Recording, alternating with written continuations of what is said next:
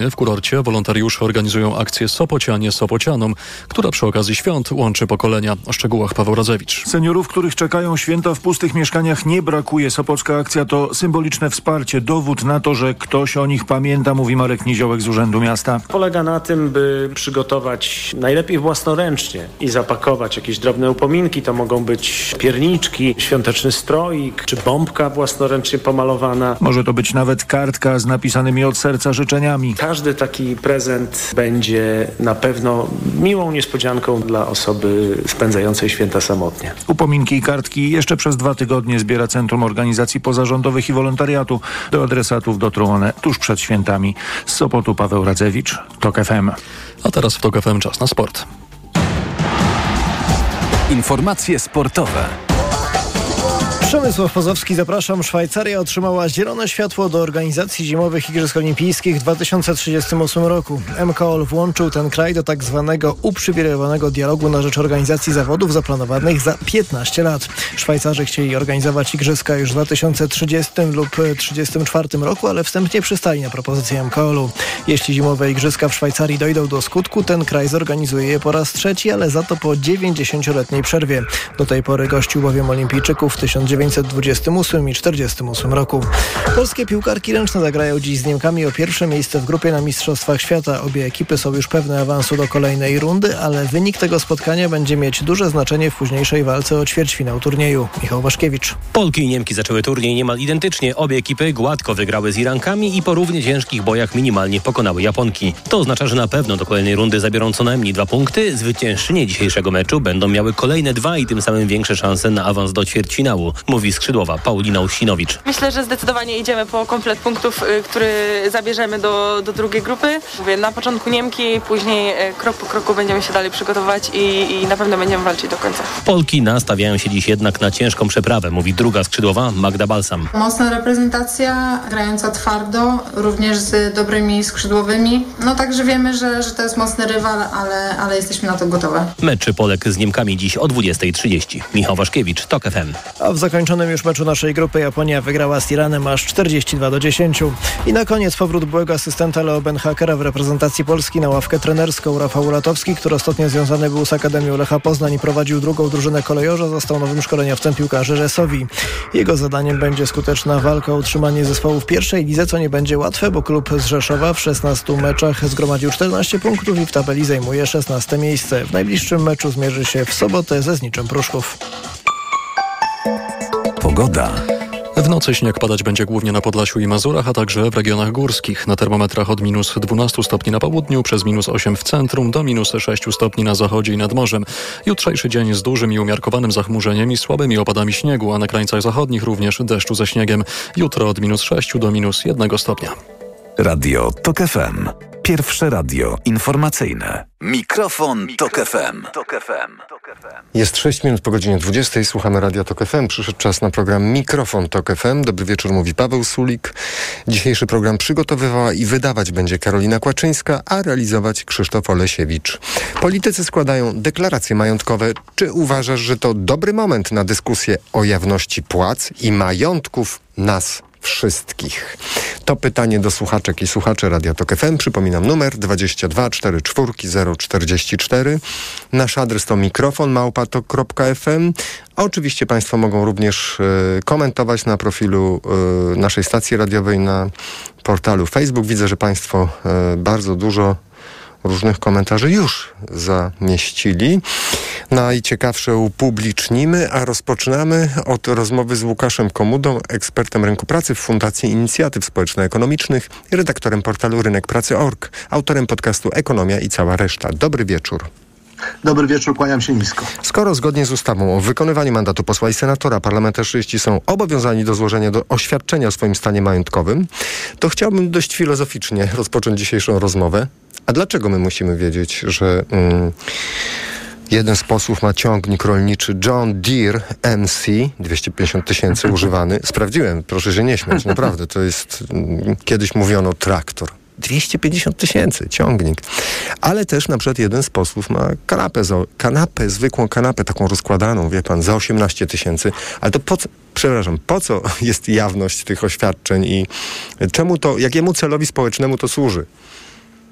No, wymyśliliśmy tę, tę zasadę dawno, dawno temu po to, żeby mm, trochę patrzeć politykom na ręce. Jeżeli e, e obawiamy się korupcji, a mamy podstawy, żeby obawiać się korupcji w polityce, dlatego że historia pokazuje, że, że politycy e, w różnych ustrojach i w różnych krajach dawali się korumpować e, większymi, mniejszymi kwotami, e, no to żeby mieć jakiś wgląd i jakiś przynajmniej e, podstawowy instrument do śledzenia tego e, e, stanu posiadania e, polityków i ich ewentualnych dochodów, które, które trudno kontrolować, a które mogą pochodzić z korupcji, no to musimy wprowadzić zasadę, że proszę Państwa, jeżeli chcecie iść do polityki, niestety Wasze majątki będą prześwietlane i musicie nam pokazać na, po, na początku i na końcu waszej drogi y, zawodowej y, y, czy kadencji sejmowej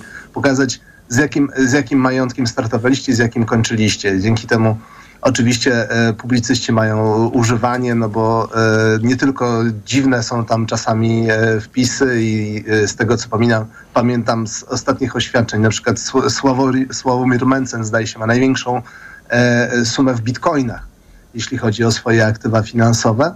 E, to tak naprawdę nie chodzi o to, żeby patrzeć właśnie kto ma kanapa, kto ma, trakt, e, kto ma e, ciągnik warty, a ciągniki potrafią być warte nawet ponad milion złotych. To są drogie i kosztowne i skomplikowane maszyny. Tylko po to, żebyśmy mogli prześledzić, jak ten majątek się zmienił w czasie. E, o to tutaj tak naprawdę chodzi.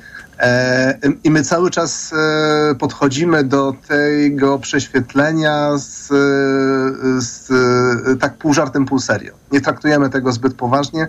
Wydaje mi się, że też politycy nie traktują tego zbyt poważnie, co o czym świadczy najlepiej fakt, że składają oświadczenia pisane ręcznie, które są nie do rozczytania.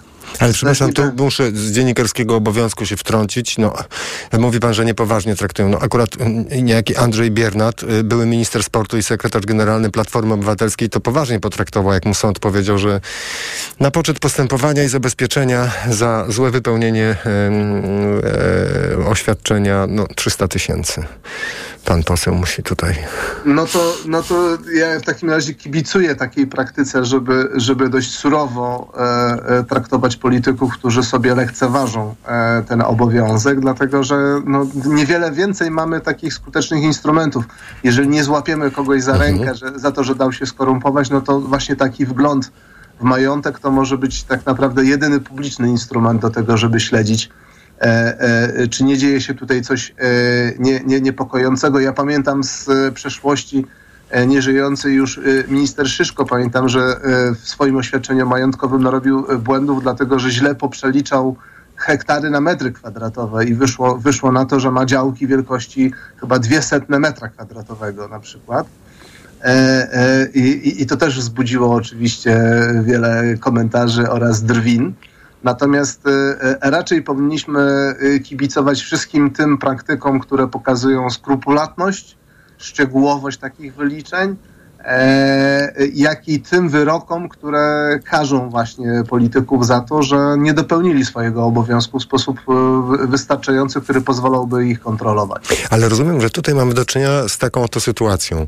Część swojej prywatności e, oto oddaje się, kiedy e, funkcję publiczną zaczyna się m, mm, pełnić. Ze zdumieniem stwierdziłem, że w naszym kraju oprócz polityków, parlamentarzystów jest grupa, jeśli nie kilku, to co najmniej kilkunastu tysięcy osób, które z różnych powodów muszą właśnie takie oświadczenie majątkowe e, wypełnić i, e, i to jestem zaskoczony, bo mogłem się domyśleć, że ludzie z Najwyższej Izby Kontroli, nie wiem, z Komisji Nadzoru mhm. Finansowego, ale sędziowie, prokuratorzy, żołnierze, policjanci, funkcjonariusze ABW, Straży Granicznej, komornicy sądowi, pracownicy urzędów skarbowych. Znaczy, czy my wobec wszystkich tych ludzi zakładamy po prostu, że oni powinni mieć e, te oświadczenia majątkowe, bo być może komuś z nich przyjdzie do głowy na przykład wziąć łapówkę lub zostać skorumpowanym w ten czy inny sposób? Do tego samorządowcy jeszcze przecież o... Mhm, zgadza się, zgadza się. No, no wszędzie tam, gdzie jest, y, jest y, realne ryzyko i realny powód, żeby korum, mhm. korumpować danego urzędnika czy polityka, tam taki obowiązek wydaje się jak najbardziej zasadny. E, do, do, dotyczy to przecież zarówno policji, prokuratury, jak i wszystkich tych trzyliterowych służb, które nas nas kontrolują. One mogą wykonywać swoje obowiązki rzetelnie, ale są tam przecież zwyczajnie ludzie, a ludzie podlegają też ludzkim słabościom i korupcja, a więc słabość w stosunku do, do, do jakiejś sumy pieniędzy, żeby przymknąć oko na jakąś e, procedurę, to są, to są rzeczy, na które, które powinniśmy brać pod uwagę. Co więcej, e, te zasady, one nie są, e, one nie spadły na nas nagle, nie, nie, nie dotyczą tych, tych funkcjonariuszy państwa, E, czy polityków e, e, nagle ni z gruchy, ni z pietruchy, tylko one istnieją od bardzo, bardzo wielu lat. Więc ktoś, kto swoją ścieżkę zawodową kieruje właśnie w taką stronę, z góry wie, że będzie do tego zobowiązany, będzie pełnił pewną funkcję i, od, i w momencie, w którym zacznie tą funkcję pełnić, będzie na niego taki obowiązek właśnie, na nim taki obowiązek spoczywał. Więc też nie, nie, nie wyolbrzymiajmy ciężaru tego tego, tego instrumentu. Raczej zastanówmy się, czy my faktycznie praktycznie z tego w, jaki, w jakiś y, y, sposób ko, ko, korzystamy, bo na ten temat wiem szczerze powiedziawszy niewiele. No, ale nie wiem, nie wszyscy... wiem, na ile prokuratura mhm. dokonuje takiego rzetelnego przeglądu tak. mhm. właśnie tych kolejnych y, oświadczeń majątkowych, żeby wyłuskać ewentualne przypadki tego, że nastąpiło mhm. nagłe zwiększenie się zasobów właśnie majątkowych. No, lub też na przykład, nie wiem, wejście w posiadanie e, zegarka, jak to było w przypadku ministra Sławomira Nowaka, który, dodajmy, bo tak sprawiedliwość nierychliwa, a, a, ale i okazało się, że musiał zrezygnować z mandatu posła i członkostwa w klubie Platformy i jeszcze 20 tysięcy sąd kazał mu zapłacić za ten zegarek, który kosztował oryginalnie 10 tysięcy. Znaczy, mamy takie, pamiętamy takie ikoniczne sytuacje. Musimy teraz zacząć porozmawiać rozmawiać o wiele, mm, y, no, zacząć rozmawiać o wiele trudniejsze rzeczy. A mianowicie, kiedy przenosimy ten mechanizm, czyli ujawniania własnego majątku, własnych zarobków, na zupełnie wydawać by się mogło inny grunt, to okazuje się, że aż 38% Polaków jest przeciwko e, całkowitej jawności pensji, mm, e, tak aby można było uzyskać informacje o wynagrodzeniach poszczególnych pracowników. Lata kampanii e, lewicy w Polsce, lata przypominania, że to lukę płacową zmieni, lata... Myśmy też w Radiu Tok FM mówili o tym, że dyrektywa mhm. europejska, która mówi i tak dalej. A tu się okazuje, że 38% Polaków mówi, o nie, ja mam ujawnić swój majątek? Z czego według pana to wynika? E, znaczy to są dwa, dwa czynniki, które e, też mają charakter uniwersalny, wykraczają poza granice naszego kraju. To jest jedna, jedna kwestia to jest kwestia kulturowa, to znaczy jak bardzo jesteśmy indywidualistami. Indywidualiści y, lubią zazdrośnie strzec tajemnic swojego majątku i swoich dochodów i y, są kowalami własnego losu i nie, nie, czują się, nie, nie, nie czują się zbyt swojo z takim zaglądaniem do portfela. I to jest jakby jeden czynnik, e, a Polacy jesteśmy wyjątkowo indywidualistycznie nastawieni i, i, i, i, to, i, to oczywiście ma odbicie w tych badaniach. A drugi czynnik to jest skala nierówności. W Polsce te nierówności e, e, w ostatnich 30 latach bardzo się zwiększyły. I jeżeli popatrzymy na nierówności, szczególnie, szczególnie nie majątkowe, ale właśnie dochodowe, tak. E, i popatrzymy na kraje, w których te, te, te nierówności są relatywnie mniejsze, na przykład kraje skandynawskie. E, e, tam ten zapał do, do, do ukrywania dochodów jest dużo mniejszy i stąd właśnie w Szwecji, w Norwegii, w Finlandii każdy obywatel może podejrzeć PITA każdemu innemu obywatelowi co w Polsce dla wielu, y, no, wielu Polakom mogłoby się zakręcić w głowie, że może sprawdzić każdego jednego sąsiada. Nie ma żadnych ograniczeń. Każdy jeden y, obywatel może podejrzeć każdego innego obywatela. E, tam jest to traktowane jako jeszcze jeden taki element takiego ogólnego wzajemnego zaufania, e, ale też takiej współpracy z państwem, dlatego że to, to państwo nie jest w stanie wszystkich skontrolować, a obywatele często o sąsiadach wiedzą całkiem sporo, i to oni mogą wpaść na trop tego, że, że ktoś na przykład ma niezarejestrowane dochody, e, a więc nie płaci podatków, a więc w pewnym sensie okrada nas wszystkich. No dobrze, ale to, to, ktoś może słuchając pana, jakaś słuchaczka albo słuchacz Radia Tok FM powiedzieć, e, zapytać, co tu jest przyczyną czego?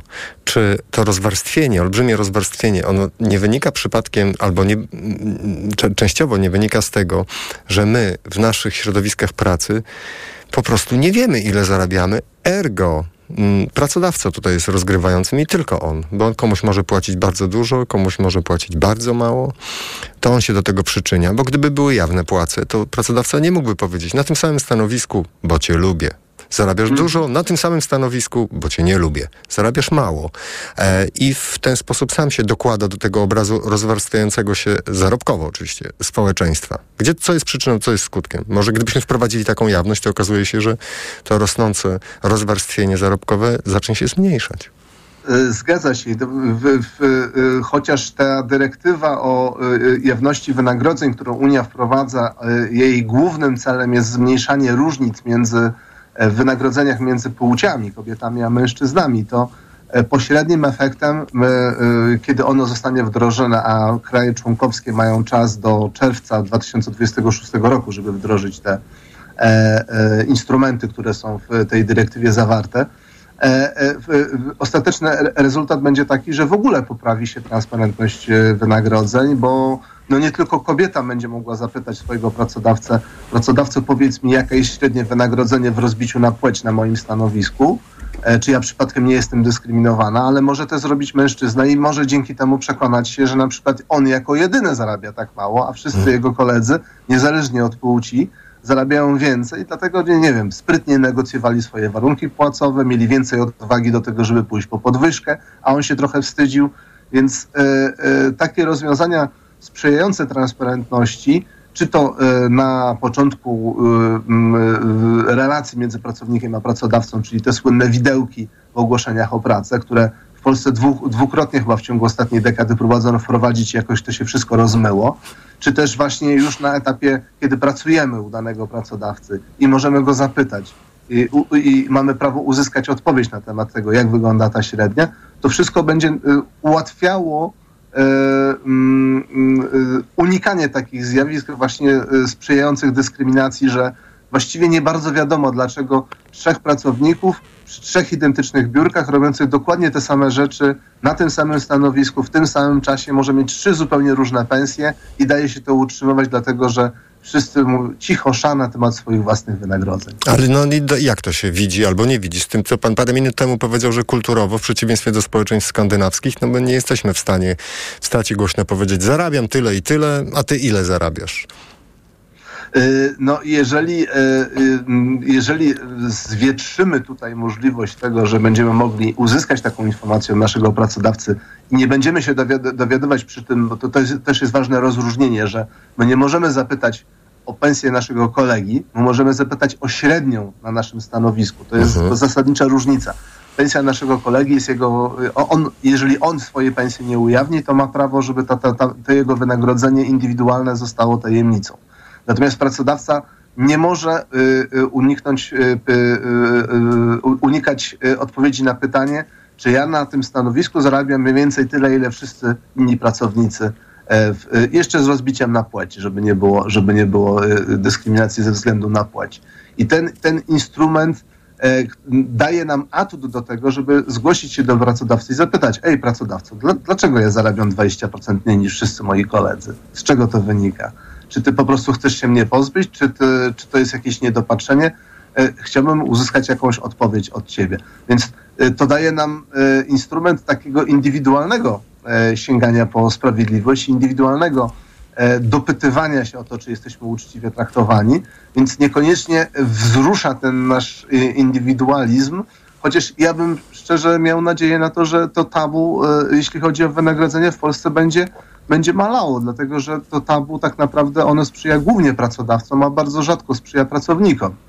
E, e, To, to, to, że jakby moment, w którym byśmy byli tak otwarci, jeśli chodzi o naszą płacę miesięczną czy roczne nasze dochody, jak Norwedzy czy Finowie, e, to by nam bardzo ułatwiło wszelkie, wszelkie negocjacje płacowe, czy, te, czy to u nowego pracodawcy, czy to starania się o podwyżkę u tego, u którego już pracujemy. A czy da się, rozmawiając o tym, jednocześnie dotknąć e, tematu, który jest jeszcze większym tabu? Jak tylko się pojawia, to momentalnie wzmożenie następuje niesamowite, a mianowicie my mówimy ciągle o płacach. Mhm. E, tymczasem, kiedy czyta się, to zależy których publicystów, e, to ci, e, którzy uważają, że Polska jest krajem mlekiem i miodem płynącym, mówią, jesteśmy przebogatym społeczeństwem, tylu ludzi ma domy, tylu ludzi ma samochody, tylu ludzi ma ziemię, mieszkania, mieszkania na wynajem. I ci, którzy mówią, e, nie, nie jesteśmy krajem mlekiem młodym, miodem płynącym, bo w przypadku majątku nie ma nic bardziej zwodniczego niż dane na temat majątków. Jawność na temat majątków jest po prostu jakimś koszmarem dla, dla statystyka, tak? Znaczy, starsza osoba mająca problem z ogrzewaniem e, swojego własnego domu, ale dom ma 200 metrów i do tego 2 hektary ziemi, w zasadzie w różnych statystykach może być podawana jako osoba no, niesamowicie wysokim majątku, dużym majątku, a w innych statystykach jako osoba, która no, potrzebowałaby wsparcia. I, mhm. i tu, po, jeśli nie będzie jawności majątków, to nie jesteśmy w stanie nigdy dowiedzieć się, czy jesteśmy społeczeństwem wyposażonym w majątek, czy też nie.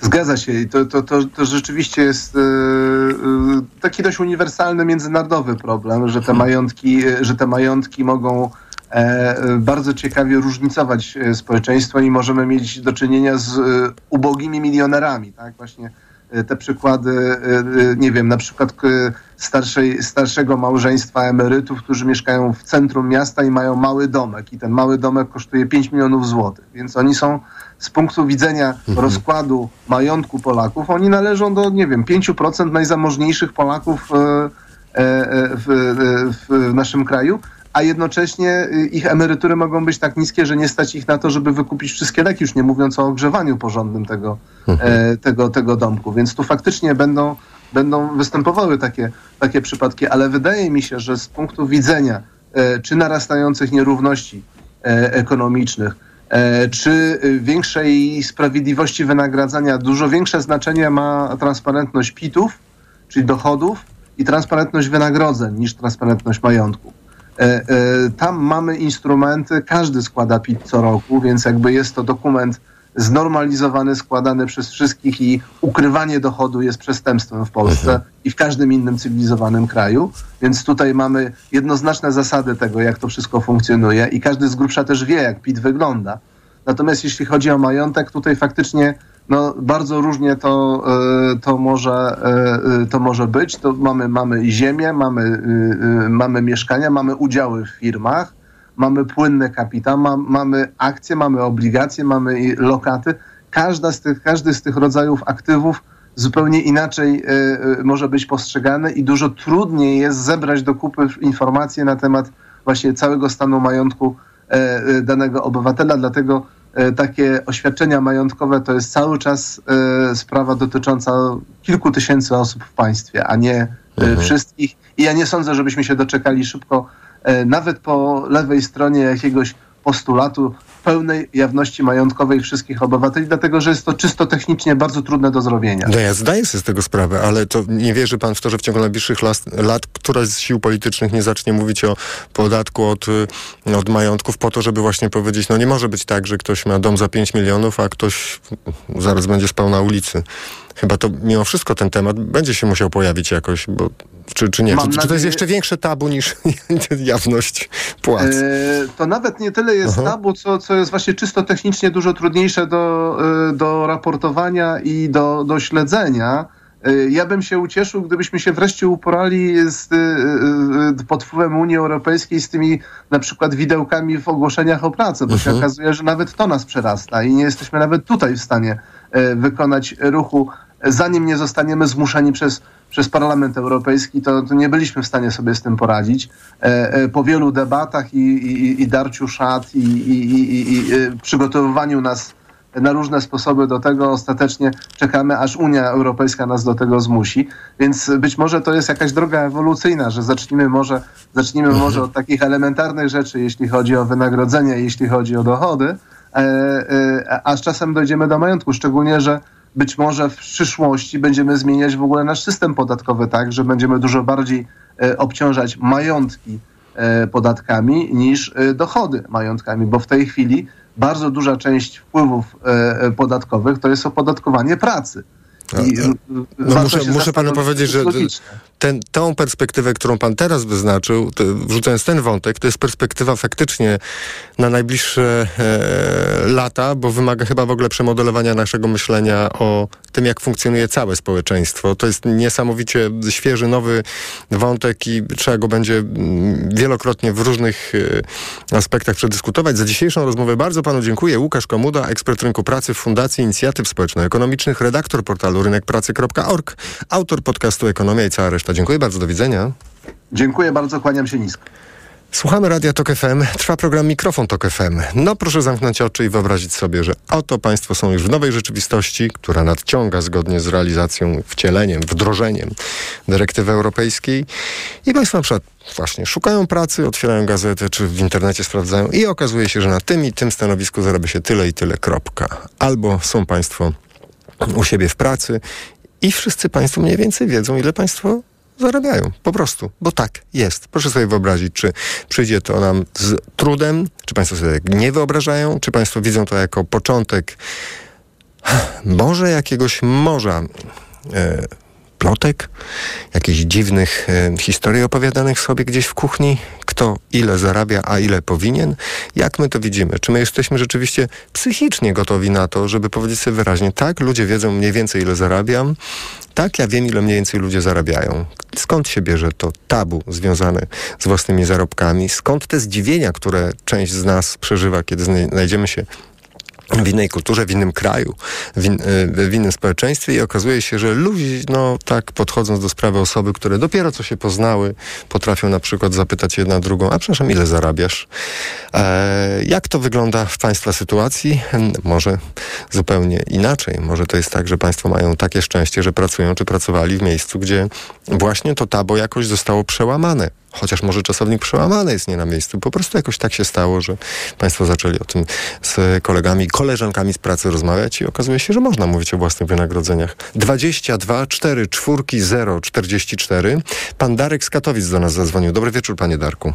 Dobry wieczór, witam pana redaktora, witam słuchaczy. Słuchamy pana. No, po raz kolejny zacytuję klasyka. Jestem za, a nawet przeciw. Czyli? E, za.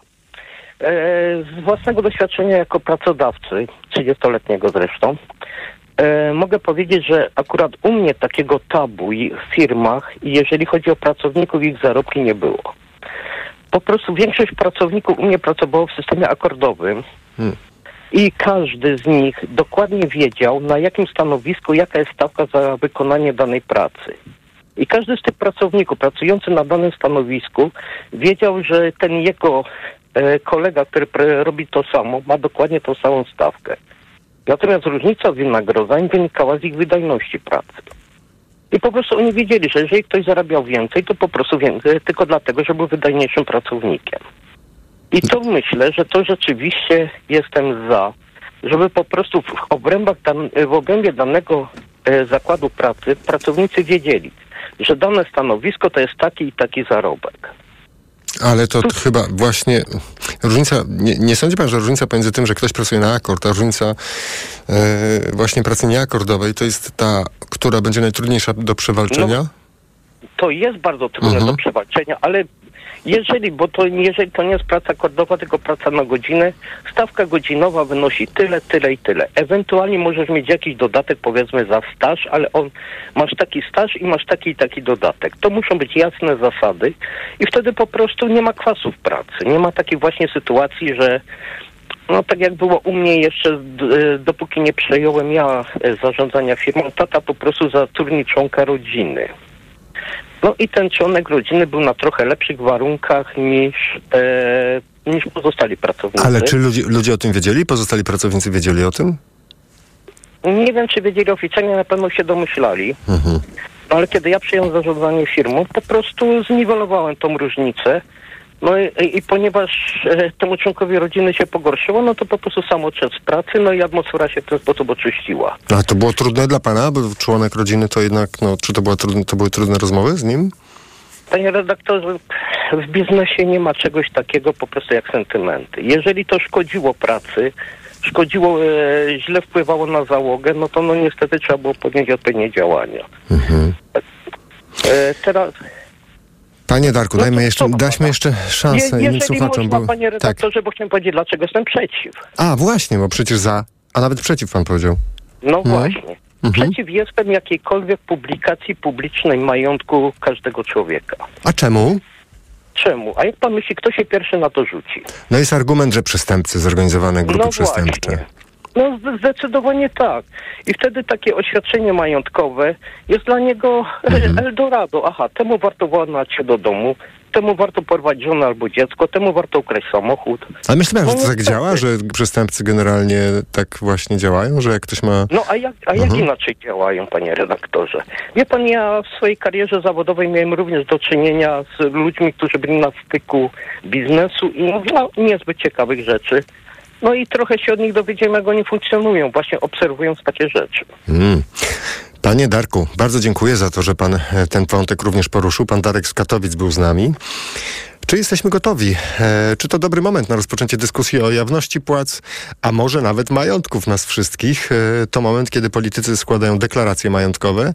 22 4 4 0 44. Pani Teresa z Warszawy jest z nami. Dobry wieczór, pani Tereso. Dobry wieczór.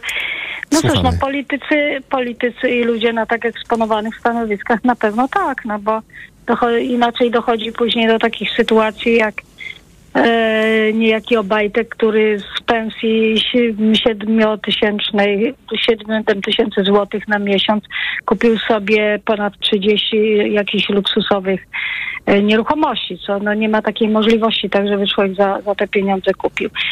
To, to jest tak, więc ja myślę, że na pewno tak, a reszta to jest kwestia kultury państwa i, i całego systemu. No u nas ta, ta kultura to jest taka trochę mi Polska przypomina bardzo, no zresztą to bardzo często e, te nierówności, sposób załatwiania spraw to trochę taka Ameryka Południowa jest, tak, że e, za chwilę to po prostu, jeżeli, jeżeli to dalej tak będzie się rozwijać, no to my będziemy wszyscy żyć w jakichś fawelach, a tutaj będzie taka, będzie tylko gdzieś taka chmurka nad nami tych, tych najbogatszych dryfować. E, A czy to ja jest powiem- argument za tym, żeby również majątki osób najbogatszych, al, albo w ogóle wszystkich osób w Polsce były publiczne? Wyobraża pani sobie taki świat? Nie, nie, nie, tak to ja bym nie chciała. Aha. Zresztą to nie o to, to, to nie o to chodzi. Tu chodzi raczej o takie o takie trochę fedrowanie na przodku, no zmianę, te- zmianę też uważam e, całego e, systemu podatkowego. A właśnie, no bo- pani Tereso, o to panią no. pytam, bo Tak. jak, o to wyobrażenie, bo pani Tereso, czy to jest tak, że jeśli w Polsce wiedzielibyśmy, kto ma jaki majątek, to łatwiej byłoby nam jako społeczeństwo zgodzić się na wyższe opodatkowanie osób bardzo zamożnych. A tak, jeśli nie wiemy, to wie pani, przeglądamy gazetę i myślimy, No no, ale, no ale przecież e, Urząd Mhm. Skarbowy wie. E, Jest, jest ordynacja podatkowa, która to wyreguluje i niech nie, nie będzie takiej sytuacji, że faktycznie najwyższe podatki w Polsce płacą osoby naj, z najniższym uposażeniem, tylko niechże ta e, kwota wolna od podatku będzie tak wysoka, że będzie wiadomo, że ludziom e, będzie się opłacało pracować, no bo naprawdę no ktoś, kto ma mm, taki obrót e, miesięczny na, no nie wiem, kilkaset tysięcy złotych, kilka milionów złotych, kilkanaście, kilkadziesiąt. No nie może, nie może być tak, żeby on płacił e, podatek e, taki jak ktoś, kto zarabia pięć tysięcy złotych czy piętnaście tysięcy Pani Teresa, złotych, wracając tak? jeszcze do głównego pytania dzisiejszego programu. Pani kojarzy z pracy taką sytuację, że ludzie rozmawiali o pieniądzach i pojawił się ten wątek, kto ile zarabia i wtedy... Tak. Tak? Tak, tak, oczywiście, bo ja pracowałam e, już w takim systemie, dlatego że zaczęłam pracować po, jeszcze pod koniec komuny i tam była taka sytuacja, że ludzie przychodzili, przecież nie, nie wpłacało się wtedy pieniędzy na konto, tylko ludzie przychodzili do tak zwanej kasy. E, odbierało się pieniądze. I zawsze podsuwano ci listę e, do podpisania. No ale inni ludzie też byli na liście i te, te kwoty, które oni zarabiali, to, to, to nie były e, zaślepione w żaden sposób, ani ukrywane. Po prostu e, przynajmniej e, kilkanaście osób można było zobaczyć, tak? Ale to pani widziała, dobrze, ale to pani widziała, Tak. albo inni pracownicy widziała pani, że ktoś, nie wiem, na wyższym stanowisku na przykład, y, przyglądała się w ogóle pani? Dyskutowano o tym, co na tej liście płac było? Były To dyskusje? znaczy tak, no bo ludzie, to znaczy generalnie każdy wiedział, ile ktoś zarabia. Taka, taka, tak było. Ja pracowałam, ja pracowałam jeszcze w czasie studiów zaczęłam pracować w instytucjach kultury i e, w impresariatach muzycznych i e, pamiętam, że właśnie tam był taki system i wszyscy wiedzieli i to, i to było i to po prostu tak było. Co więcej, powiem panu jeszcze to przeniosło się na co najmniej pierwszą połowę e, lat 90., bo jak pracowałam z kolei w korporacjach. I były na przykład e, na początku lat 90. oferty takie w gazecie Praca e, i na określone jakieś tam stanowiska korporacyjne, to były napisane widełki.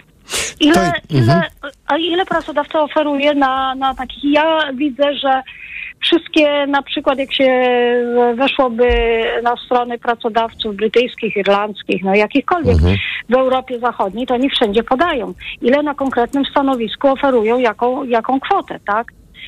I jeszcze jedna rzecz taka mi się przypomniała, bo e, czytałam kiedyś taką Y, Czytałam e, taki wywiad z jakimś facetem ze Skandynawii. Nie, nie pamiętam już, czy to był jakiś przy, przedsiębiorca, czy coś, ale e, jak zadano mu pytanie, to właściwie dlaczego u nich są takie wysokie podatki i dlaczego ta jawność jest taka? No on powiedział, no bardzo dobrze, że tak jest, bo ja się też czuję spokojny zarówno mm, płacąc ten e, wysoki podatek, tak, no bo już jestem e, w tej grupie e, dochodowej, e, że ten podatek mnie odejmuje.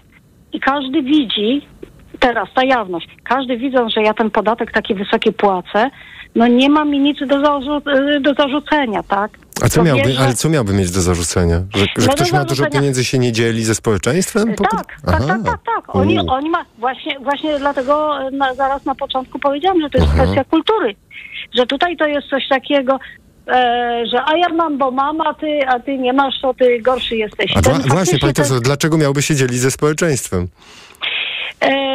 E, wie pan co, Mhm. e, nie, nie, wiem, nie wiem dlaczego miałby, miałby się nie dzielić, no bo każdy się dzieli, tak? Tylko, że w tym momencie on zatrudnia ludzi, którym płaci kwoty e, no, no możliwie najniższe, tak?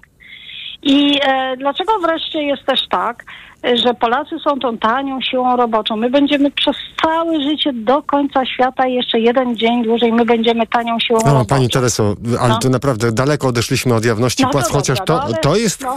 pewnie No. jakiś kroczek No. w tym kierunku. Bardzo dziękuję za to, że pani do nas zadzwoniła. Wszystkiego dobrego życzymy. Pani Teresa z Warszawy była z nami.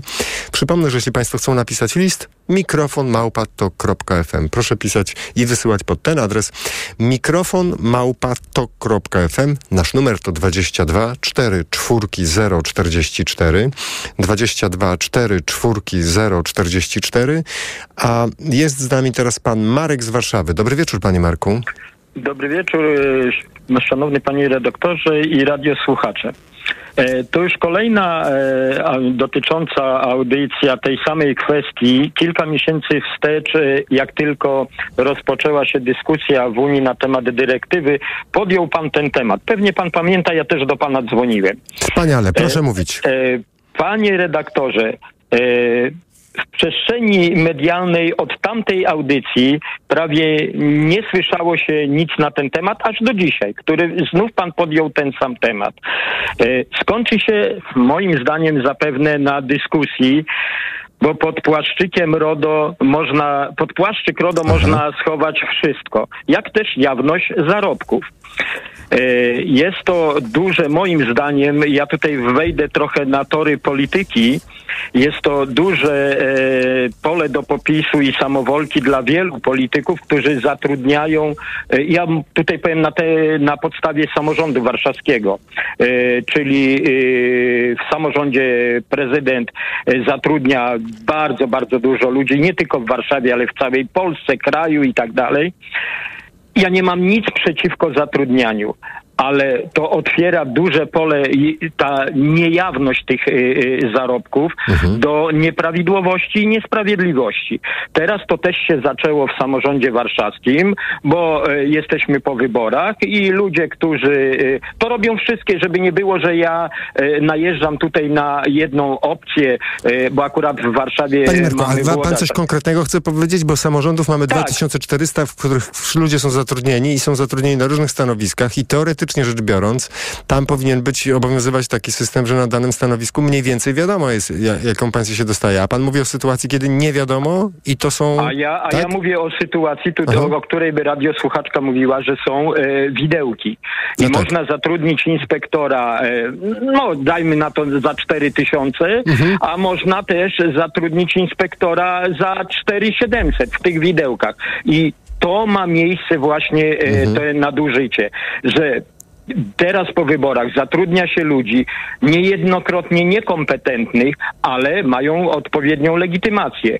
I pracownicy z dużym stażem, y, z różnych powodów, nie wiem z jakich, y, mają powiedzmy to przysłowiowe 4 Panie tysiące, Marku, a- a przychodzi, przepraszam, skończę myśl, Tak, tak. a przychodzi właśnie y, po przegranych wyborach, bo ma legitymację taką, owaką, bo ja nie, nie najeżdżam na Warszawę i wiadomo, bo Mhm. ludzie dowiadują się o tych zarobkach i dostaje powiedzmy 500-600 złotych więcej na starcie, no bo jest jak Mhm. jest. A panie I- Marku, i nie to korci jest- pan, jeśli pan dysponuje taką wiedzą, a nie korci pana, żeby w odpowiednie miejsce zadzwonić albo napisać i poinformować o tym, jeśli to jest rzeczywiście coś, co według pana może i nie tylko jest nieetyczne, jak rozumiem, z tego co pan mówi, Mhm. tylko nawet może łamać prawo, czy jak pan sądzi? E, Panie redaktorze, a wie pan Aha. jak to się kończy?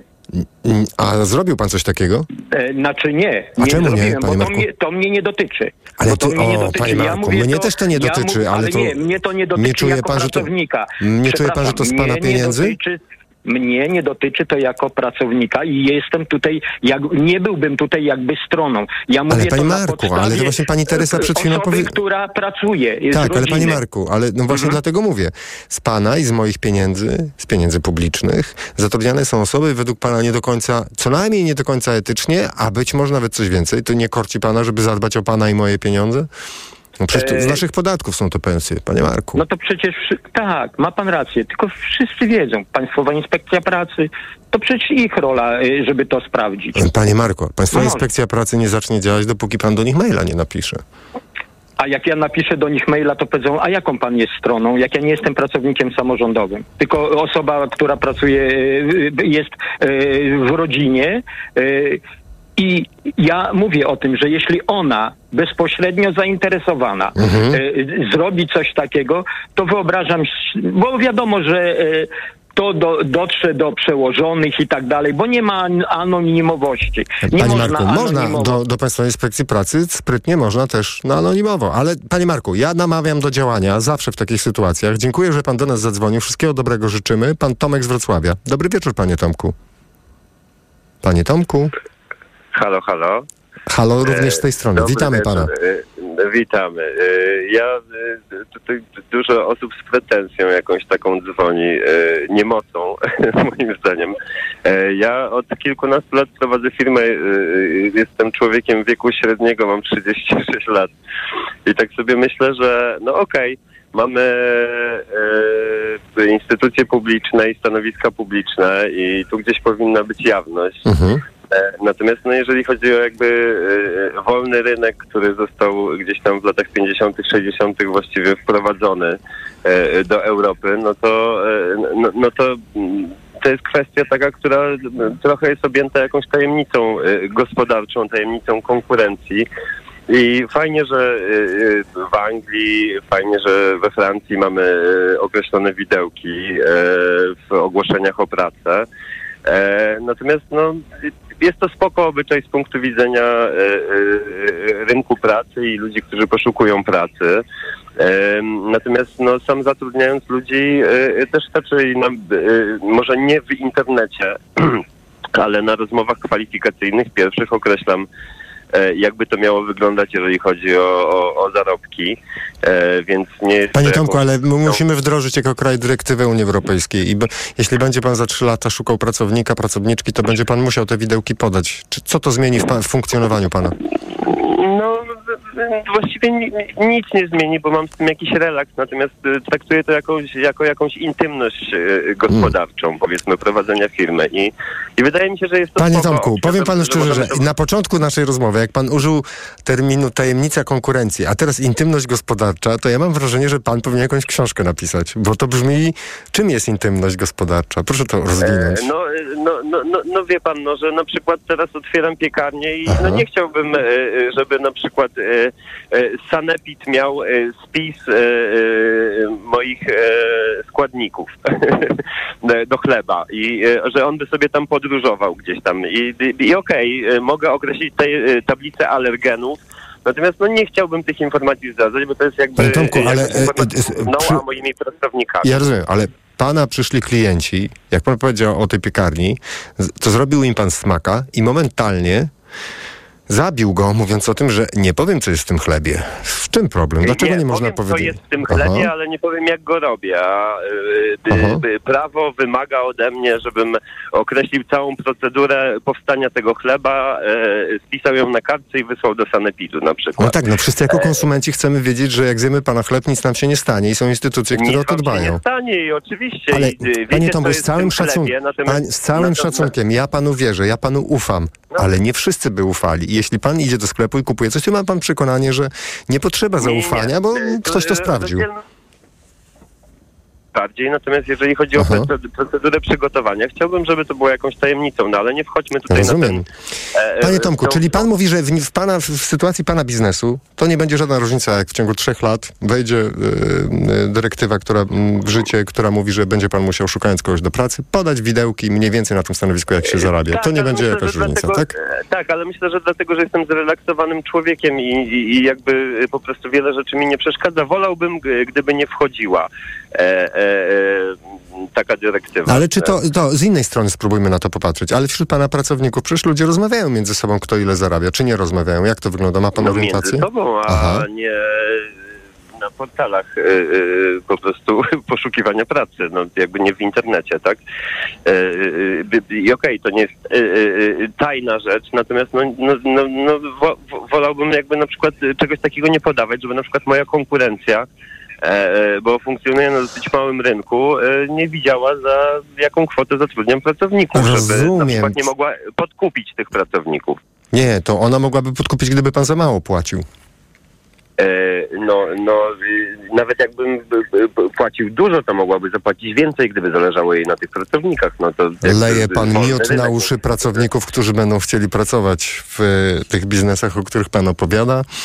A, ale panie Tomku, rozumiem to pana perspektywę. Bardzo dziękuję, że pan do nas zadzwonił. Pan Tomek z Wrocławia był z nami.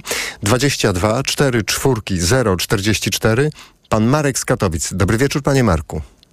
Dzień dobry, dobry wieczór, panie redaktorze. Słuchamy pana.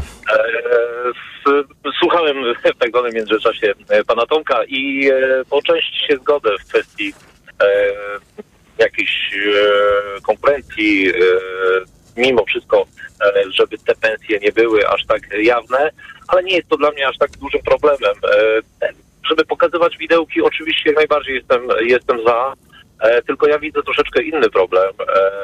U nas w kraju niestety mamy pracownicy mają problem z e, kwotą brutto. E, Wyliczenie dla niektórych kwoty brutto, kwoty netto e, jest naprawdę bardzo trudne, jeżeli tłumaczy się człowiekowi, że okej, słuchaj, no będziesz zarabiał tyle i tyle brutto, przychodzi drugi człowiek, okazuje się, że no, nie ma jeszcze 26 lat, e, nagle okazuje się, że oni się wymieniają oczywiście informacjami i nagle się okazuje, że ten człowiek, który ma 26 lat, zarabia więcej. A miał, miał pan taką sytuację, tak? Że, że właśnie. No, aha. A to dobrze, no jak w tej sytuacji pan działał? Panie Marku, właśnie to jest ciekawe. Myślę, że wiele słuchaczek, wielu słuchaczy zastanawia się, co w tak. Czy pan no rozmawiał z tymi ludźmi, czy, czy, czy, czy Tak, próbował. Oczywiście, oczywiście to, to no, na, na prostej zasadzie, no słuchajcie, to, to e, przepisy są takie, jakie są. Mhm. E, ten młody człowiek e, nie odprowadza się od niego podatku. Ja płacę za was, za ciebie i za ciebie same pieniądze, to, że on dostaje e, większe. No takie mamy przepisy. Nic z tym po prostu nie, nie zrobimy. No, oczywiście ten młodszy człowiek e, uśmiechnięty, zadowolony e, wychodził, a ten drugi tak nie do końca. No dobrze, a E, miał pan, miał pan już sytuację, kiedy 26-latek y, zaczyna mieć więcej lat i zaczyna płacić takie podatki? tak, oczywiście, oczywiście. Jak to wyglądało w zespole? Jak to? E, Niektórzy byli na to przygotowani i wiedzieli, więc nawet nie przychodzili. No ale byli tacy, którzy byli e, totalnie zaskoczeni, bo, bo nagle się okazało, że, że ich 26 rodziny Mhm. e, kończy się lata i nagle, nagle te pieniądze są e, mniejsze. No, ale, no, ale Pani Marta, ale ci ludzie przychodzili dlatego, że po prostu chcieli od Pana podwyżkę, dlatego że oto zaczęli mniej zarabiać, realnie pieniędzy dostawać. Nie, nie, Tak? może tak, nawet nie, nie przychodzili z, na zasadzie Aha. podwyżki, tylko e, niektórzy byli na, naprawdę na tyle zaskoczeni, że mówią, ale to chyba ktoś się pomylił, bo on przecież dostał mniejszą wypłatę, powinien dostać większy, jest system premiowy, no to pewnie nie dostał premii. Do, no dobrze, ale czyli Panie Marku, i i tak Pan wtedy tłumaczył, że system podatkowy w Polsce teraz wygląda tak, że osoby do 26 roku życia dostają więcej pieniędzy na rękę, ponieważ e, te e, podatki nie są takie jak e, inne osoby. I co, a, I co dalej? I te osoby, jak już się dowiedziały od Pana, że tak to działa, to jak reagowały? Nie zdarzyło się, żeby ktoś zrezygnował z pracy. A. Przełknęli to, no, no trudno, tak jest, przemyśleli dzień, dwa i, Mhm. no, sprawa, sprawa się zamykała, ale naprawdę z tą kwotą brutto e, Mhm. pracownicy odchodzą do, do innej firmy, bo tam no, będą mieli więcej, no tylko, że e, nieuczciwy pracodawca e, podał im kwoty e, brutto, e, wyliczając, pokazując czasami nawet, bo o tym słyszałem, że ale netto to będzie tyle, tyle, ale później się okazało, że jednak nie, ponieważ wiadomo, że te składniki, tych Mhm. składników jest e, ileś tam i nagle się okazywało, że, e, że, że mieli mieć więcej, a, a tak naprawdę mieli mniej. E, no niestety, takie rzeczy się zdarzają, więc dlatego tutaj kwestia edukacji. Ale też, Panie E, Marku, Pan zwraca uwagę na zasadniczą rzecz. Znaczy, jeśli jest tak z tą edukacją, jak Pan mówi, że jeśli dotyczy to większości naszego społeczeństwa, to to oznacza, że Pan, jak rozumiem, jest rzecznikiem tego, że kiedy wejdzie już dyrektywa unijna, no to po prostu funkcjonować to powinno tak, że w prasie czy gdzieś widzę ogłoszenie z kwotami netto, tak? E, No ale to nie jesteśmy w stanie e, tak naprawdę ustalić tej kwoty netto, no bo jeżeli e, przyjdzie do pracy młody człowiek, który jest jeszcze studentem i tak dalej, jego możemy zatrudnić na przykład na umowę zlecenie, no te obciążenia są Hmm. z automatu inne, czyli żadne, więc to, to mm, podanie kwoty netto naprawdę czasami jest e, bardzo, bardzo e, trudne w tym momencie. Panie Marku, bardzo dziękuję. zatrudnianiu, Tak. zatrudnianiu naprawdę musimy o tym mówić. E, Jeżeli mogę tylko szybciutko, jeżeli chodzi o kwestię e, ujawnienia dochodów, jeżeli chodzi o urzędników, jak najbardziej. Znam takich ludzi, którzy chcieli wystartować do, do mm, rad i tak dalej w wyborach sam- samorządowych, ale właśnie ze względu na to, że no, trzeba było ujawnić w tym momencie swój stan posiadania, to po prostu z tego zrezygnowali. A dlaczego nie chcieli, nie chcieli ujawnić swojego stanu posiadania? Panie redaktorze, no niestety jesteśmy krajem, w którym jest mnóstwo zawiści, naprawdę ludzie są strasznie zazdrośni e, i nagle by się okazało, że oni domyślali, że ten człowiek to ma trochę więcej niż przeciętny człowiek, e, ale nagle się okaże, że, że, że ma jeszcze dwa, trzy razy więcej niż, niż oni o tym wiedzieli, więc e, to no tak to, tak to w tym naszym kraju wygląda. Jeżeli chodzi o przedsiębiorców, e, jak e, najbardziej można sprawdzić, jeżeli ktoś jest e, m, współwłaścicielem spółki i tak dalej, to wszystko jest do sprawdzenia, jak ktoś bardzo, bardzo będzie chciał. Tylko znowu kwestia niedokształcenia naszego społeczeństwa. No, jeżeli ktoś jest właścicielem spółki, to różne e, wiadomo są e, e, spółki e, prawa handlowego i tak dalej, ale z założenia na przykład ja płacę 19% podatku jako spółka. Spółka płaci 19% podatku, jeżeli chcę e, wyciągnąć z tego zysk, czyli dywidendę, no płacę kolejne 19% podatku. Bardzo wielu, wielu ludzi o tym nie, nie wie, a nawet jak wiedzą, to, to, to liczą sobie jakoś po swojemu. Mhm. Bardzo dziękujemy panie Marku za pana głos. Do usłyszenia. Pan Marek z Katowic był z nami. Nasz numer to 22 44 044. E, mogą państwo pisać e, do nas maile na adres mikrofon małpa.tok.fm mikrofon małpa.tok.fm a na portalu Facebook na profilu e, naszej stacji radiowej e, również państwa wpisy. Pan Andrzej dziwny wpis zamieścił, ale przeczytam go państwu. Kiedyś grałem w gry MMO, Massive Multiplayer Online. To były gry różnego rodzaju, e, publicznie dostępne. Obejrzeć można było sobie osiągnięcia najlepszych graczy, a często dość szczegółowe statystyki każdego gracza. Działało to tylko i wyłącznie motywująco. Tajność wynagrodzeń jest moim zdaniem tylko pochodną hipokryzji i zakłamania. Chciałbym, abym jako osoba rekrutująca ludzi nie musiał im podawać wynagrodzenia, jakiego mogą oczekiwać, tylko żeby to było wiadome od początku procesu rekrutacyjnego.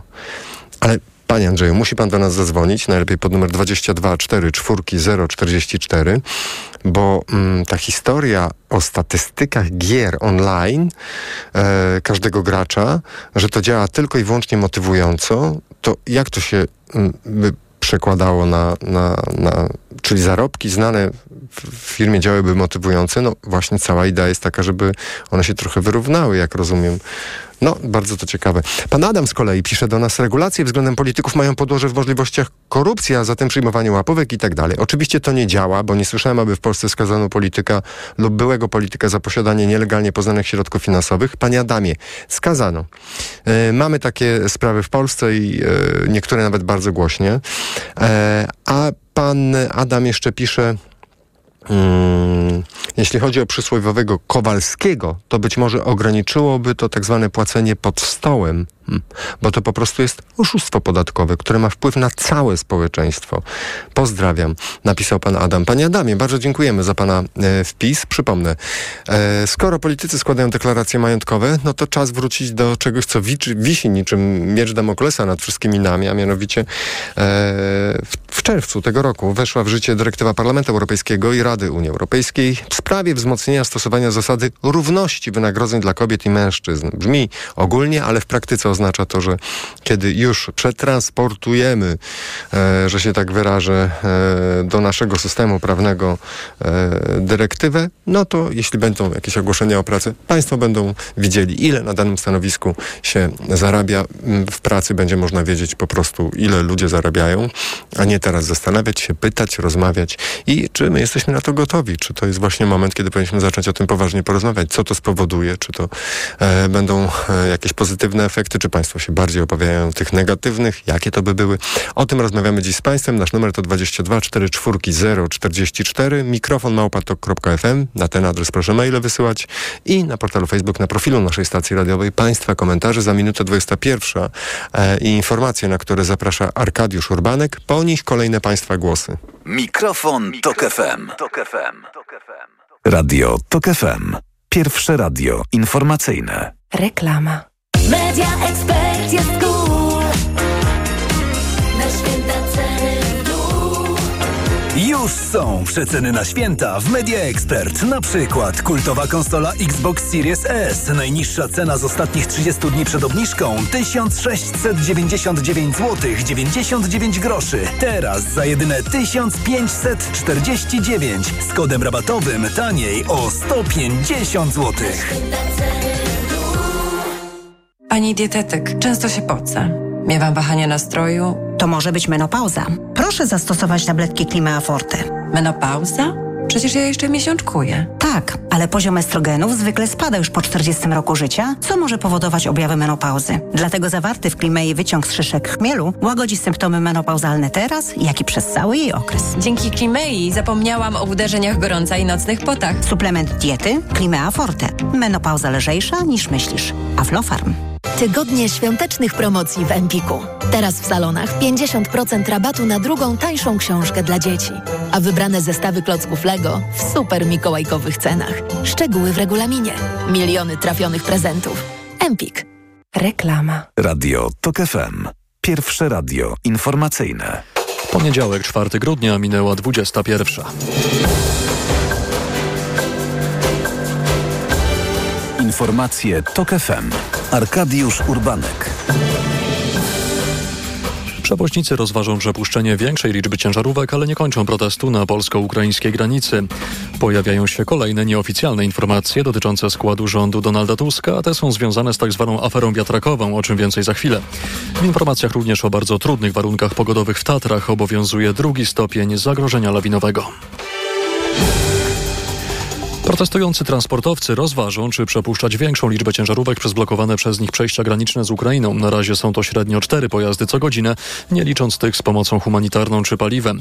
Szef Komitetu Obrony Przewoźników złożył taką deklarację po tym, jak Inspekcja Transportu Drogowego i służby celno-skarbowe nasiliły kontrolę ukraińskich ciężarówek. Więcej o tym opowie Tomasz Fęskę. Wzmożone kontrole ukraińskich ciężarówek trwają od weekendu. Inspektorzy badają doniesienia przewoźników, jakoby kierowcy tirów z Ukrainy, którzy do końca czerwca nie muszą okazywać e, zezwoleń na wjazd na teren Unii Europejskiej, mieli świadczyć niedozwolone przewozy, mówi minister infrastruktury Alvin Gajadur. Sprawdzamy, czy nie wykonują nielegalnie na przykład przewozów kabotażowych, czy nie wykonują przewozów ładując towar w Polsce i na przykład jadąc do krajów Unii Europejskiej bez wymaganych zezwoleń. Przewodniczący Komitetu Obrony Przewoźników Waldemar Jaszczur zapewnia, że w tej sytuacji zarząd komitetu przedyskutuje złagodzenie protestu na granicy. I zastanowimy się, czy przepuszczać więcej. Być może decyzja moich kolegów będzie różna, być może się przychylimy do tego, ale musi być gest dobrej woli. O zakończeniu protestu nie ma jednak na razie mowy. Kolejka tirów do przejścia w Rebennem rozciąga się już na blisko 70 kilometrów. Tomasz Fęskę, TOK FM. Paulina Henning-Kloska nie zostanie szefową resortu klimatu, informuje nieoficjalnie Mariusz Gierszewski z Radia Z. Posłance Polski 2050 miała zaszkodzić tzw. Tak afera wiatrakowa.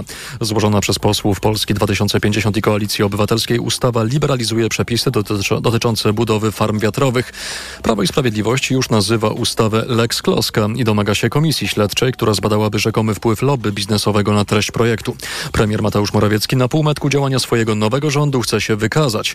Komentował w TOK FM wiceprzewodniczący Nowej Lewicy Dariusz Wieczorek. Można powiedzieć e, w przypadku PiSu show must go on. Nagle ci, którzy doprowadzili do zablokowania w ogóle budowy wiatraków, teraz e, stają się wielkimi obrońcami i teraz zastanawiają się, co jest w ustawie wpisane, jak to wszystko wygląda. Posłowie nowej koalicji zapowiadają, że złożą autopoprawki do projektu ustawy wiatrakowej. Już ponad 10 milionów osób w Ukrainie otrzymało w tym roku pomoc humanitarną, poinformowało Biuro Narodów Zjednoczonych do spraw koordynacji pomocy humanitarnej na swojej stronie internetowej. Biuro podkreśliło jednocześnie, że szacuje się, iż wraz ze spadkiem temperatur poniżej zera ponad milion 700 tysięcy osób będzie potrzebować pomocy w przetrwaniu zimy aż do marca, zwłaszcza w strefach przyfrontowych. Na terenach przyfrontowych bardzo trudny stał się także dostęp do opieki zdrowotnej. Jak podała Światowa Organizacja Zdrowia, odnotowano ponad 1300 ataków na obiekty opieki zdrowotnej. Słuchasz informacji TOK FM. W Monachium spodziewane są marznące opady deszczu. Będzie to mieć poważne konsekwencje dla pracy lotniska, które już na początku weekendu zostało sparaliżowane przez intensywne opady śniegu, informuje agencja DPA. Do wtorkowego południa zostaną wstrzymane starty i lądowania na monachijskim lotnisku. Pro problemy lotniska w Monachium spowodowane gwałtownym nadejściem zimy rozpoczęły się już w piątek wieczorem, kiedy odwołanych została większość lotów. Przedstawiciele lotniska w Monachium oraz Lufthansa potwierdzili, że pasażerowie nocowali w terminalach. Osób nocujących na drugim co do wielkości lotnisku w Niemczech może być nawet kilkaset. Monachium jest kluczowym węzłem międzynarodowego ruchu lotniczego, dlatego problem dotyczy przede wszystkim pasażerów z innych krajów, podkreśla agencja DPA. Bardzo trudne warunki pogodowe są również w Tatrach. W górach trzyma mróz, obowiązuje drugi stopień zagrożenia lawinowego. W niektórych miejscach jest nawet ponad metr śniegu. O szczegółach Katarzyna Młynarczyk. Po ostatnich opadach śniegu większość szlaków jest nieprzetartych, a to oznacza, że wyprawy górskie w takich warunkach są bardzo ryzykowne, mówi teternik Jan Krzeptowski-Sabała. Wyruszając w teren trzeba się liczyć z tym, że te wycieczki mogą nam zająć dużo dłużej niż zwykle, jeśli my będziemy musieli przecierać szlak. Dodatkowo trzeba mieć niezwykle dobrą orientację w terenie, żeby rozpoznać przebieg szlaku turystycznego. Przy planowaniu wycieczek trzeba zwracać uwagę na długość trasy, tak aby spokojnie zdążyć zejść przed zmrokiem. Ważna jest też kondycja, bo chodzenie po górach w tak dużym śniegu jest znacznie bardziej wymagające. Katarzyna Młynarczyk, TOK FM. Pogoda. Wtorek z dużym i umiarkowanym zachmurzeniem i słabymi opadami śniegu. Na krańcach zachodnich również deszczu ze śniegiem. Minus 5 stopni w ciągu dnia w Gdańsku, minus 4 w Białymstoku, minus 2 stopnie w Warszawie, Krakowie, Katowicach, Wrocławiu i Poznaniu, minus 1 stopień na termometrach w Lublinie, Rzeszowie oraz Szczecinie. Radio TOK FM. Pierwsze radio informacyjne. Mikrofon, Tok FM. Tok FM. 5 minut po godzinie 21 słuchamy Radia Tok FM. Trwa program Mikrofon Tok FM. To co, słuchacze, słuchaczki? Ujawniamy nasze, nasze zarobki, czy tak jak chciał nasz słuchacz? Niech będzie chroniona intymność gospodarcza. Niech nie wiedzą, ile zarabia kto u nas. Jak Państwo to widzą? Szczególnie, że jesteśmy wszyscy podekscytowani oświadczeniami polityków, z których wynika, że a ten ma ciągnik za 250 tysięcy, a tamten kanapę za 18 tysięcy, taką kanapę do domu, mebel za 18 tysięcy e, złotych i zastanawiamy się, jak to w naszym kraju będzie wyglądało, bo mamy ograniczony czas w Polsce na wprowadzenie dyrektywy, która po prostu y, będzie nakazywać jawność e, płac. Widełki to będzie efekt wprowadzenia tej dyrektywy. Jeśli będziemy chcieli e, szukać jakiejś pracy, no to będziemy mogli skorzystać z, z tej dyrektywy w ten sposób, że będziemy wiedzieli w jakich ramach się mieści pensja na danym stanowisku. Pod numer 22 44 044 Państwo do nas dzwonią. Czy uważa, że to dobry moment na dyskusję o jawności płac? Właśnie teraz, kiedy politycy składają deklaracje majątkowe, no i z wiszącą nad nami niczym mierz Damoklesa tą, tąże dyrektywą. Pan Arek z Podradomia jest z nami. Dobry wieczór, panie Arku. Witam pana redaktora. Słuchamy pana. E, e, Wie pan co, ja, myślę, że mm, część tych spraw i tak już jest e, jawna. Z tego powodu, że weźmy na przykład, nie wiem, nauczycieli. Tam wyraźnie jest zapisane, że nauczyciel, który rozpoczyna swój jak gdyby karierę zawodową, ma określone pieniądze. Nauczyciel o wyższym stopniu zawodowym ma tyle, tyle, tyle. Różni się to drobiazgami, tak? E, Niech pan, e, nie wiem, no spojrzy na e, kierowcę zawodowego, który no też te rzeczy w tej chwili od przeszło dwóch lat teoretycznie są określane przez Unię, że kierowca nie może zarabiać mniej niż żeby wyrównać szanse, jeśli chodzi o Unię Europejską, tak? Czyli kierowca Polak, kierowca Niemiec, kierowca Mhm. Francuz, pieniądze, tak? To w pewnym sensie wyrównuje szanse. E, konkurencyjny jest ten, kto jest w stanie na przykład w innym obszarze zrobić sobie oszczędności i być bardziej konkurencyjny cenowo, tak? Więc e, ja uważam, że to jest kwestia e, jest jakiś czas na to, żeby wyedukować ludzi, tak? Czyli te mm, nasze dzieciaki, które są już powiedzmy na poziomie szkoły średniej, powinny mieć informację, że słuchaj młody człowieku, e, będziesz e, rozpoczynał e, pracę zawodową, zastanawiasz się, gdzie iść na studia, w tej dziedzinie zarobisz tyle, w tej dziedzinie zarobisz tyle, a w tej dziedzinie zarobisz tyle, tak? E, Ja uważam, że, mm, że jest to dobry pomysł z tego powodu, że przejdziemy na taki trochę bardziej zachodni system, kiedy e, płaca będzie stała na danym stanowisku, natomiast e, to, co firma zaproponuje e, swojemu pracownikowi w ramach tak zwanego socjalu, tak? Czyli dostęp do, powiedzmy, nie wiem, do siłowni, do wyjazdu, powiedzmy, do jakiegoś tam domu wczasowego, jak to kiedyś, kiedyś bywało, czy do jakichś innych walorów typu służbowy samochód, do dyspozycji również w czasie prywatnym i tak dalej, i tak dalej. Widełki pozostaną widełkami, natomiast zaangażowanie pracownika będzie skutkowało być może dodatkowymi be benefitami związanymi już nie, nie konkretnie ze złotówką czy, czy euro, tylko z jakimiś takimi rzeczami, które, które po prostu no, są również wymierne. A panie Jarku, a jak to e, wygląda u pana? majątku. A Mhm. co, zanim, zanim porozmawiamy o majątku, to proszę powiedzieć, jak to u pana jest? Pan pra, pracuje w takim systemie, że pan mniej więcej wie, ile inne osoby zarabiają na, za podobną pracę, ile dostają? Powiem panu tak. y, wiadomo, że y, w pracy ma się znajomych, ma się kolegów i ma się ludzi, z którymi się pracuje, bo to są trzy różne rzeczy, tak? I moi koledzy, którym ja ufam, oni ufają mnie, my nie mamy między sobą tajemnic, tak? Y, Ile zarabiamy. I powiem panu tak, że w obecnej firmie pracuję tam powiedzmy od półtora roku i na, na w tym czasookresie między nami e, ludźmi, którzy, że tak powiem, ufają, ufają sobie, mamy jakąś tam więź między sobą i te rzeczy nie są dla nas e, jakimś tam tabu. E, nasze pensje się potrafią różnić o 200 czy o 300 zł. Pracujemy na tych samych stanowiskach. No ale dobrze, to Tak, w, ja jestem w te, kierowcą zawodowym i ale to te 200-300 zł Mhm. to jest według pana dopuszczalne? To jest tyle, co powinno być? Czy to jest dziwna różnica? Tak, nie. To jest tyle, co powinno być, dlatego że e, e, nie wszystkie prace są wymierne. Nie wszyscy pracują od, nie wiem, 8 do 16, prawda? I 8 godzin i zamykamy e, okienko, tak?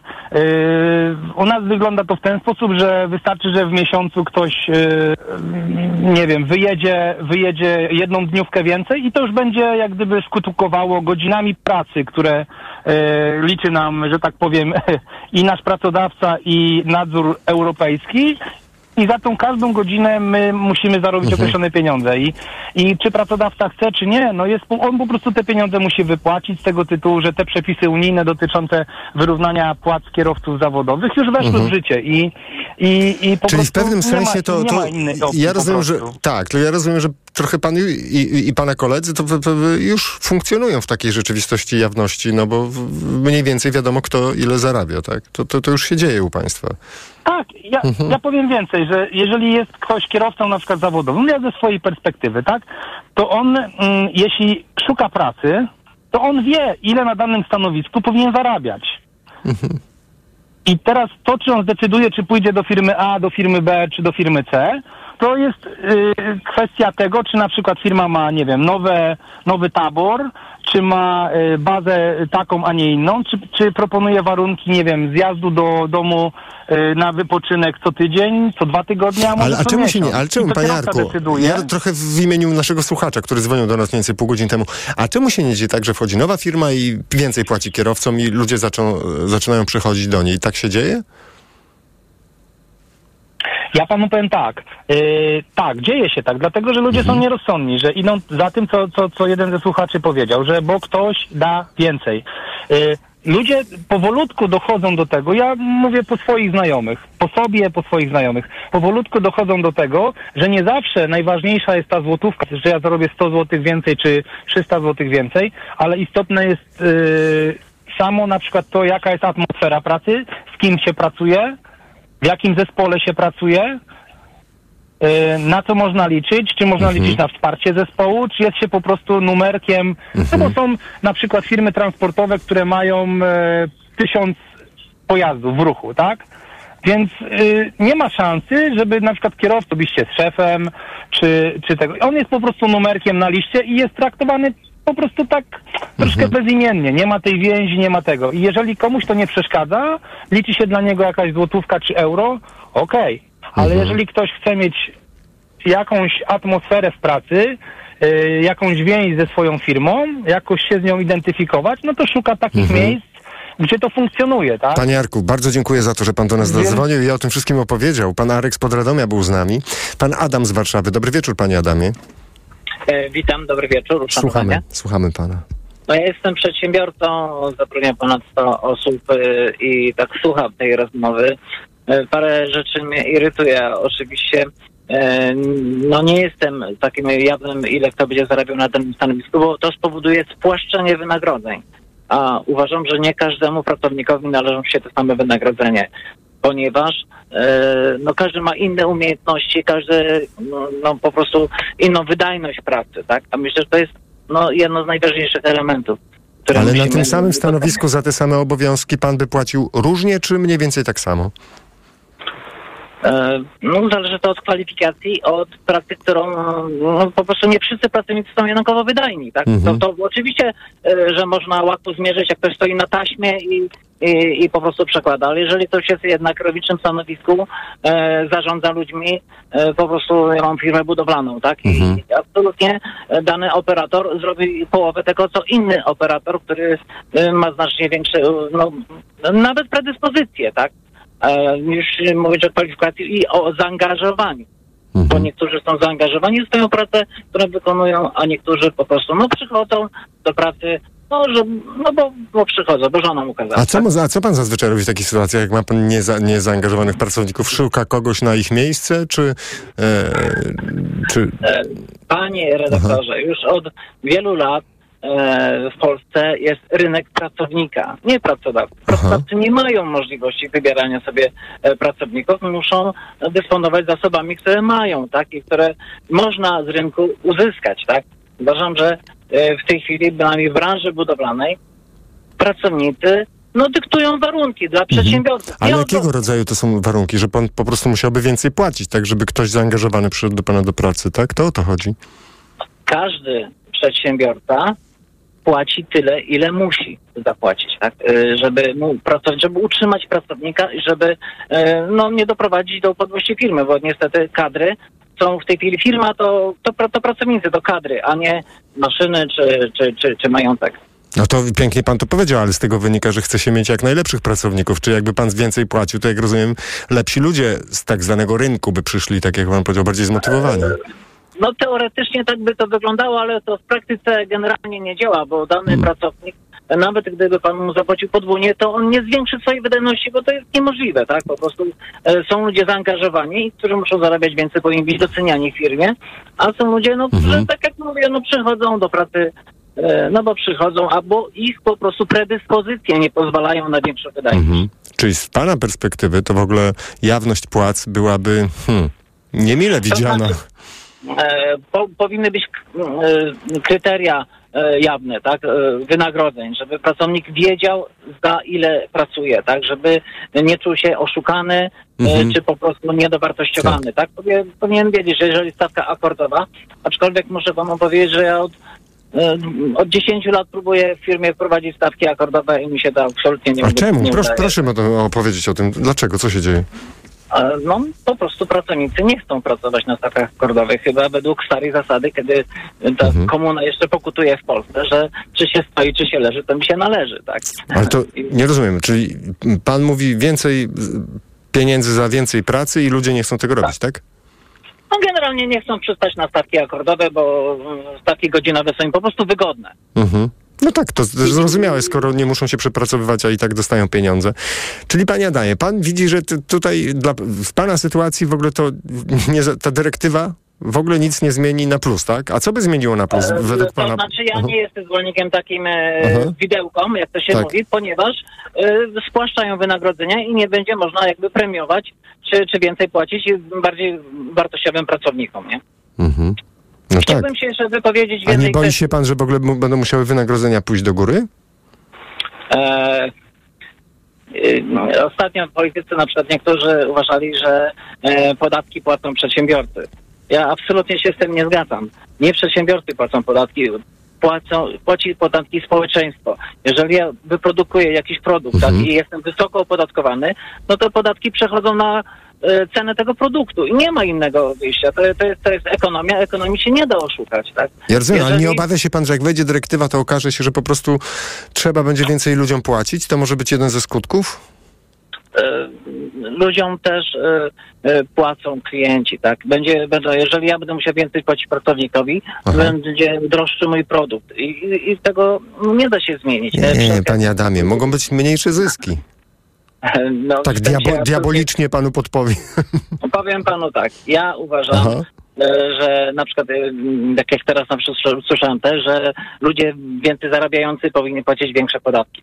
Jeżeli jesteśmy na podatku liniowym, płacimy 19%. Ja na przykład zarabiam milion złotych miesięcznie, tak?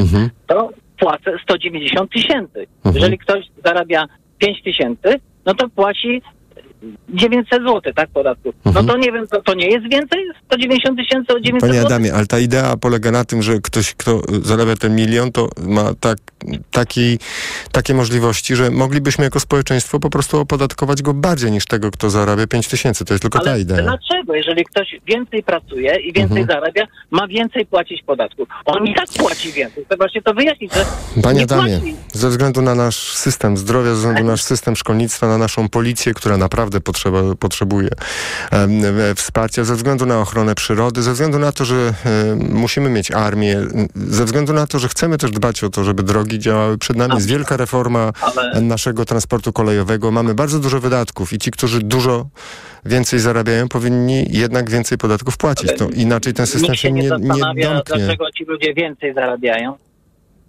No, ale co to zmienia? pracują, albo pracują bardziej wydajnie, tak, albo tak. w przeszłości e, no, no nie leżeli sobie, że tak powiem, e, na, na piwie, nie siedzieli na piwie, tylko po prostu pracowali, czy się uczyli, czy budowali przedsiębiorstwo swoje. Tak, panie Adamie, ale jednak efekt jest taki, że mają więcej pieniędzy, więc siłą rzeczy większą część No powinni oddać niż ci, którzy mają mało pieniędzy. Nadal chyba taka komuna. Mhm.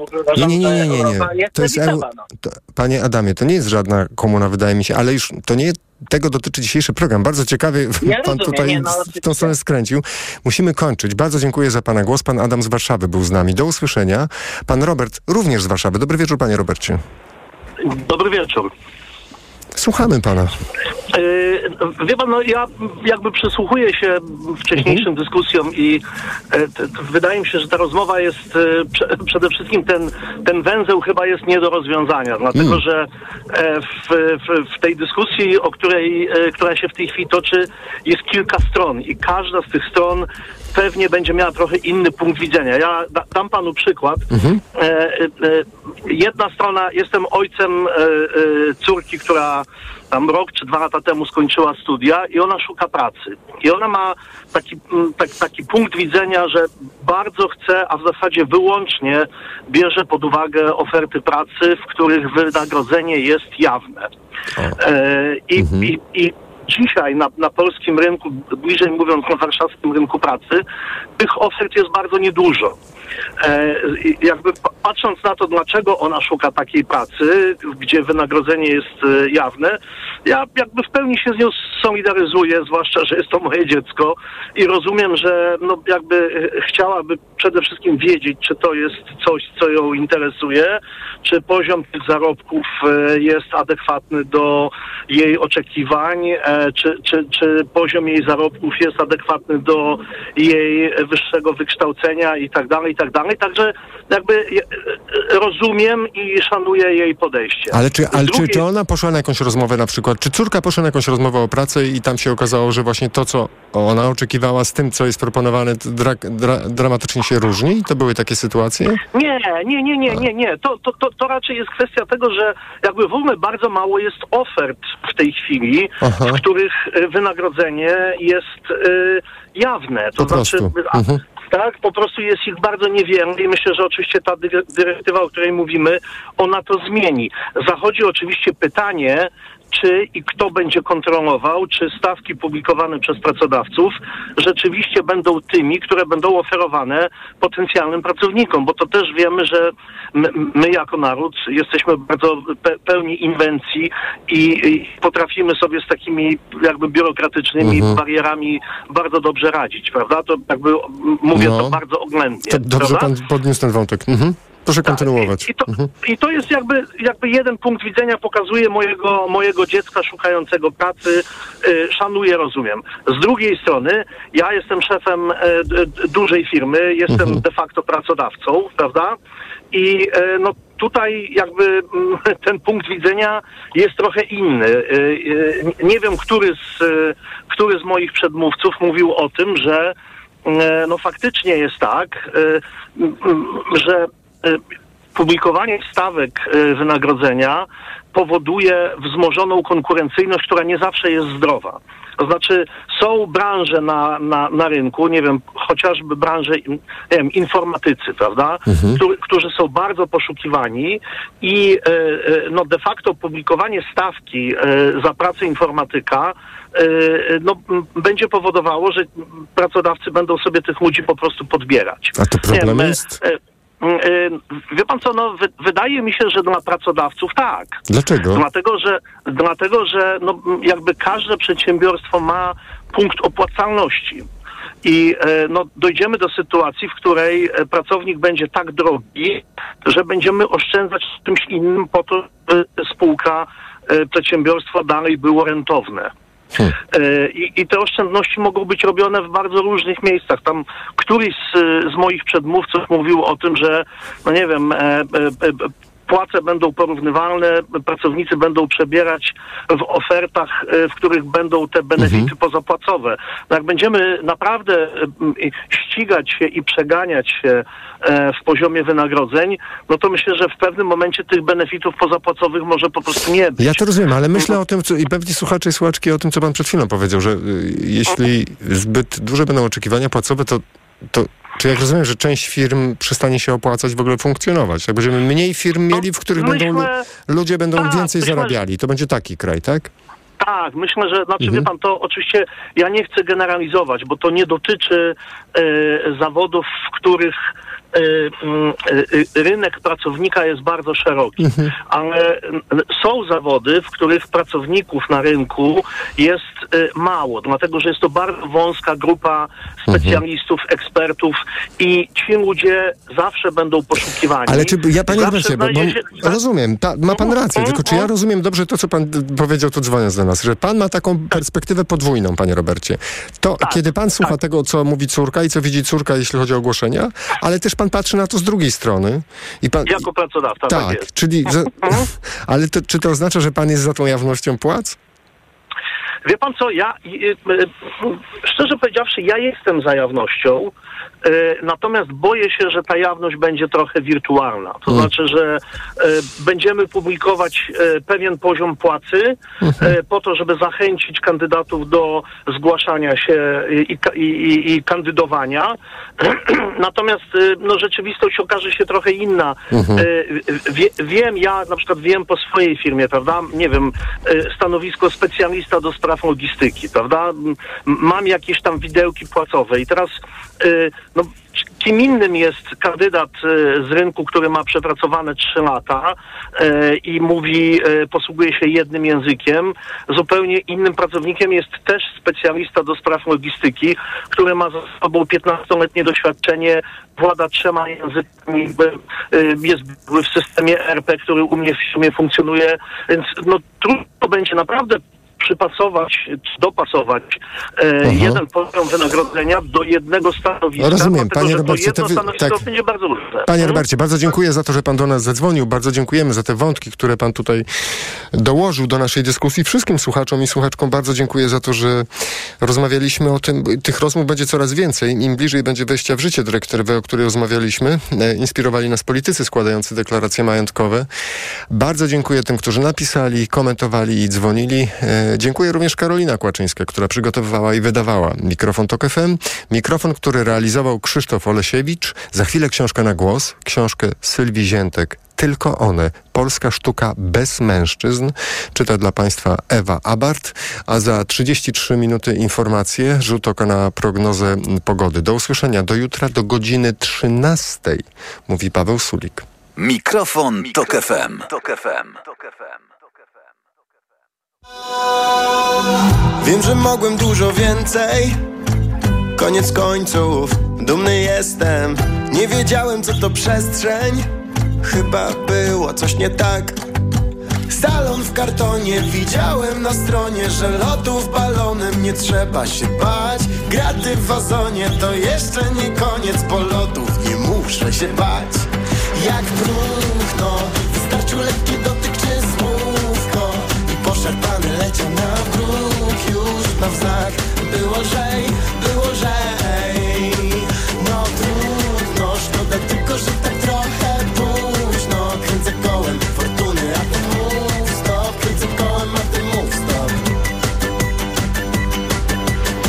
Trochę poczekam, może przejdzie.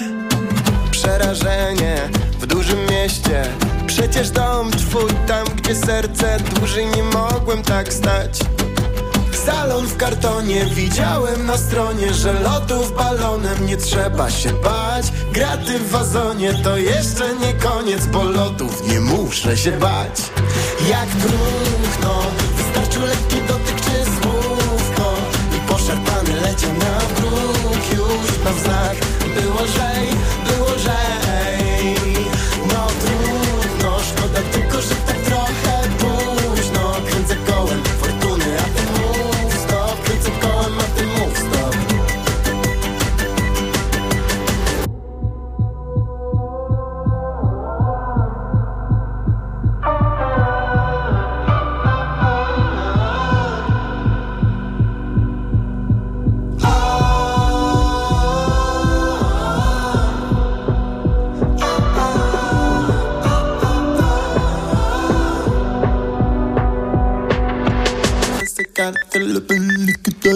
Jak próchno, wystarczył lekki dotyk czy słówko wyczerpany lecę na dróg już na wznak Było żej,